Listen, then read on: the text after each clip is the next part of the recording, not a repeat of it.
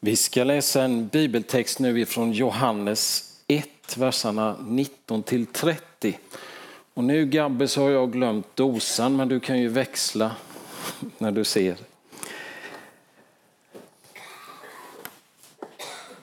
Och det handlar om Johannes döparen här. Många har kommit och lyssnat på Johannes och sen har några av de bestämmande i landet Israel kommit och börjat undra vem är den där killen egentligen? Och det är därifrån det här sammanhanget är. Och detta var Johannes vittnesbörd när judarna i Jerusalem sände präster och leviter att fråga honom, vem är du? Han bekände och förnekade inte, han bekände, jag är inte Messias. De frågade, vad är du då? Är du Elia? Han svarade, nej, det är jag inte. Är du profeten? Nej, svarade han. Och då sa de, vem är du? Vi måste ha ett svar åt dem som har skickat oss. Vad säger du om dig själv? Han sa, jag är en röst som ropar i öknen, gör vägen rak för Herren som profeten Jesaja har sagt. Också några fariseer hade sänts ut och de frågade honom, varför döper du då om du inte är Messias och inte heller Elias eller profeten? Johannes svarade, jag döper med vatten. Mitt ibland er står en som ni inte känner, han som kommer efter mig. Jag är inte värdig att knyta upp remmen på hans sandaler. Detta hände i Betania på andra sidan Jordan där Johannes döpte. Nästa dag såg han Jesus komma och han sa, där är Guds lam som tar bort världens synd. Det är om honom jag har sagt, efter mig kommer en som går före mig, ty han fanns före mig. Amen. Om nu Fredrik och Frida kommer på den allra bästa grejen för att kunna se efter barn på och vi lanserar det här som världens bästa barnpassningsprodukt, hur gör man då?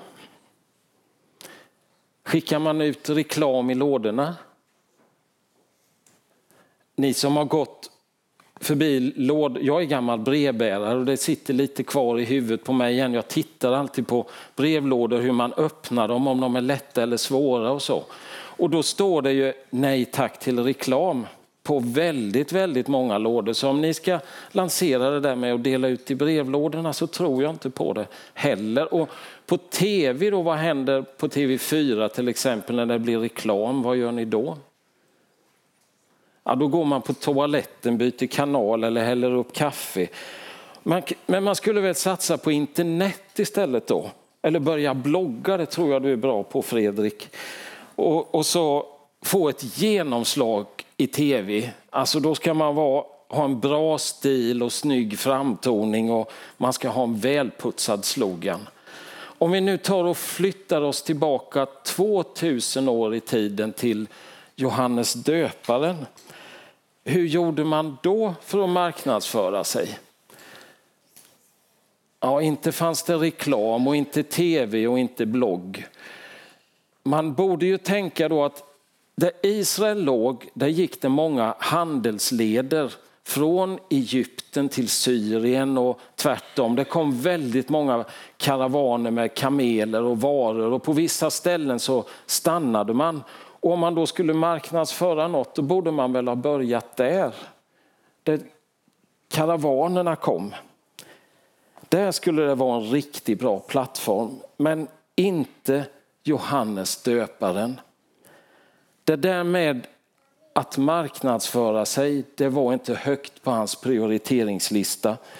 Johannes var ett verkligt original. Han vistades i öknen och det står i evangelierna, om du gör ett litet bibelstudium om Johannes döparen, att han levde där i öknen och levde på honung och vatten och han var klädd i kamelhår och han käkade också gräshoppor.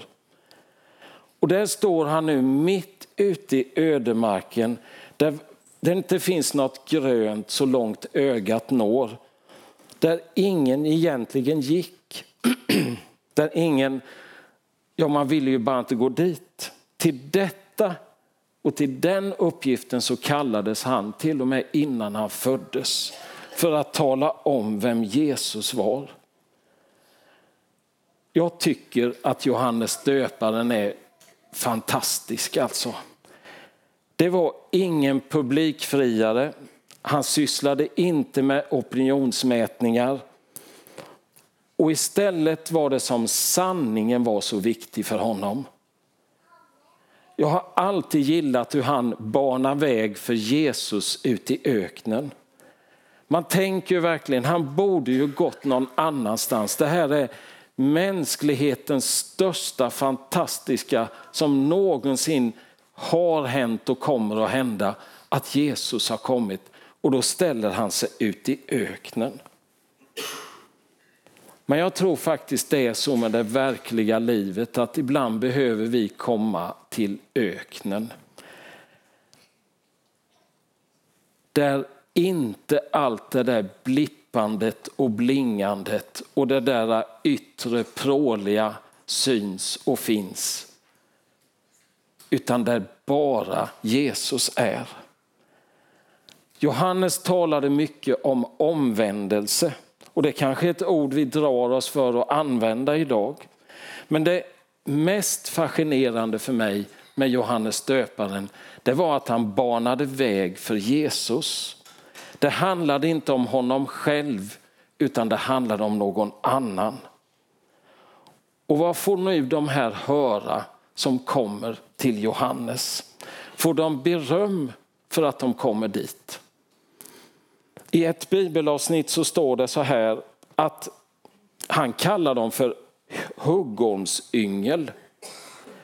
Säga vad man vill om Johannes döparen, men någon publikfriare var han inte. Han försökte inte bli populär, men han talade om en sanning. Fast han bytte plats, fast han var på olika platser så drog sig folk till honom i ödemarken. Och när folk konfronterade honom med vad är det jag ska göra? Vad är det jag ska göra i mitt liv? Då talade han rakt in i deras hjärtan om nödvändigheten att omvända sig. Och det är så lätt att man blir hemmablind och inte ser. Ibland behöver man hjälp ifrån någon annan för att se att ja, det är nog dags att vända spår, att hitta en annan väg att gå. Här i texten så kommer man och frågar, vem är du Johannes? Och man försöker sätta olika mallar på honom, om han är en profet som har återuppstått, om han är Elia eller vem är han? Är du kanske Messias? Men det gick inte att sätta en mall på Johannes. Han var kallad att vara vägröjaren. Och då frågade man, vad ska jag göra? Visst gav han någon tips, men jag tror det är så att när man själv försöker att göra nytt, ändra på allting i sitt liv och tro att man ska klara det, så kommer man på efter ett tag, nej det där klarar jag inte själv. Jag behöver hjälp av någon annan, någon som kan gå vid min sida och vara mig nära. Och när alla de här olika människorna kom ut till Johannes döparen vid Jordan så fick de lite olika svar. Den där gnidne tullindrivartypen.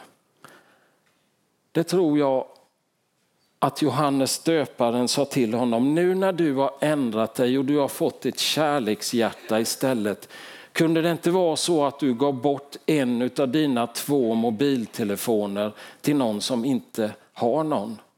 Och till den där soldattypen som hade byggt murar runt omkring sig och alltid skulle försvara sig med gränser och vakter.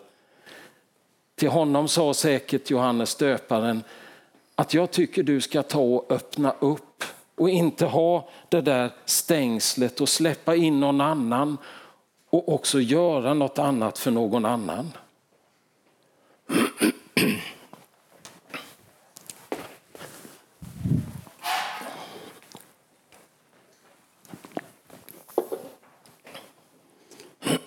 Sen var det ju det där med hans sanningssägande som var en belastning för honom. Johannes döparen hamnade i fängelse efter han hade gått och talat om för Herodes Antipas att det där du pysslar med, den där kärleksaffären du har med din brors hustru, det är inte rätt, du gör fel. Så han hamnade i fängelse. Det där fängelset det var inget fyrstjärnigt hotell utan det var bara en håla. Där sprang kackerlackor och skorpioner och det var fuktigt och dragigt. Och där satt han, och om du läser i Bibeln ska du se att Johannes döparen började tvivla. Är Jesus verkligen den som jag är sänd för att gå före? Är allt det där förgäves som jag har gjort?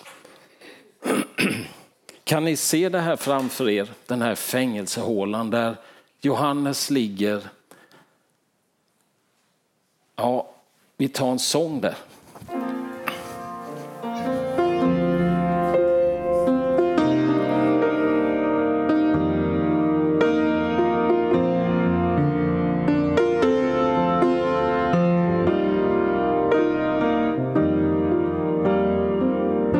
Jag har legat i min säng och blundat Tänk på när jag dör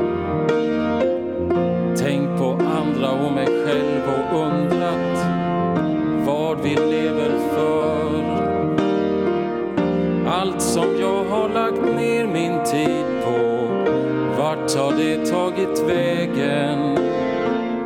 Alla ord jag har sagt och allting som jag har gjort, är det borta och finns inte mera? Fick någon människa mod till att leva Det är hoppet som bär mig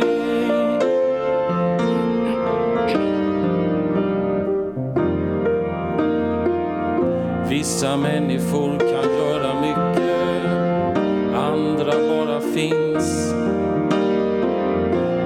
Vissa lyckas i sitt eget tycke Vem är bäst och störst? Kanske allting som sker av kärlek har ett värde som varar.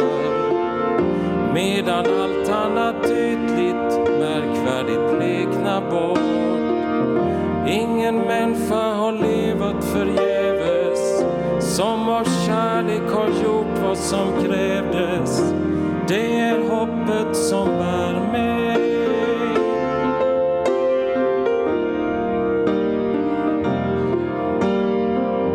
När en vacker dag mitt liv är över och min tid är slut finns det ingenting som jag behöver som jag haft förut. Och ju mera den tanken slår desto bättre förstår jag att en gång har jag ingenting jag kan lita på utom löftet jag fått utav en som har dött men har uppstått igen.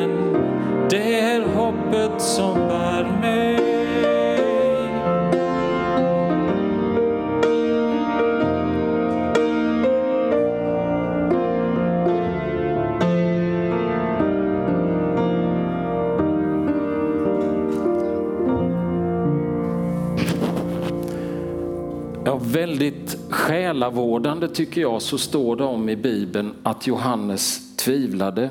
Tvivel, det är jobbigt. Tro, det är att vända sig till Jesus i förväntan på att han ska göra någonting gott. Otro, det är att vända Gud ryggen och ta saken i egna händer. Men tvivel, det är någonting något mitt emellan. Det är att vela åt två håll och tvivel är ett gammalt svenskt ord. Det består av två delar. Tvi, det betyder två och vel, det betyder att vela åt olika håll. Tvivel. När Johannes hamnade i tvivel, vad gjorde han då? Jo, då pratade han med sina vänner som kom på besök i fängelset och bad dem gå till Jesus och fråga, är du den som vi väntar på ska komma? Och det är ett väldigt bra tips som Johannes döparen ger här till oss. Att när vi är i tvivel, när vi inte förstår, när det är krångligt, vänd dig då till en vän och berätta hur det är. Vännen behöver inte säga så mycket, behöver bara lyssna. Men man får tala om det där tvivlet man har. Och då växer man. I tvivel så växer man. I tro växer man, men man växer nästan mer i tvivel. För då prövar jag min tro på Jesus Kristus. Och då får du säkert samma svar som lärjungarna till Johannes fick av Jesus. Gå och berätta för Johannes vad ni hör och ser. Blinda ser och lama går, spetälskar blir rena och döva hör, döda uppstår och fattiga får ett glädjebud. I tvivlet som Johannes hade så växte hans tro. Vad kan vi lära oss av detta idag? Det där med att bana väg för Jesus, det är någonting som jag tar till mitt hjärta. Johannes döparen är som han breddar vägen. Han förbereder människor att kunna se vem Jesus är och ta emot honom. Där tror jag vi alla vill vara. Jag tror vi alla vill gå de där stegen nära Jesus.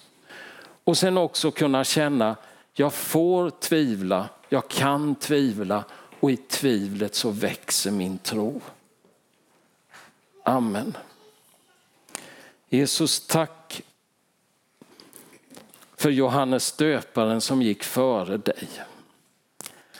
Hjälp oss att lära oss av honom, hans sätt att handla, hans sätt att våga gå ut i öknen för att hitta det sanna och hjälpa andra att hitta.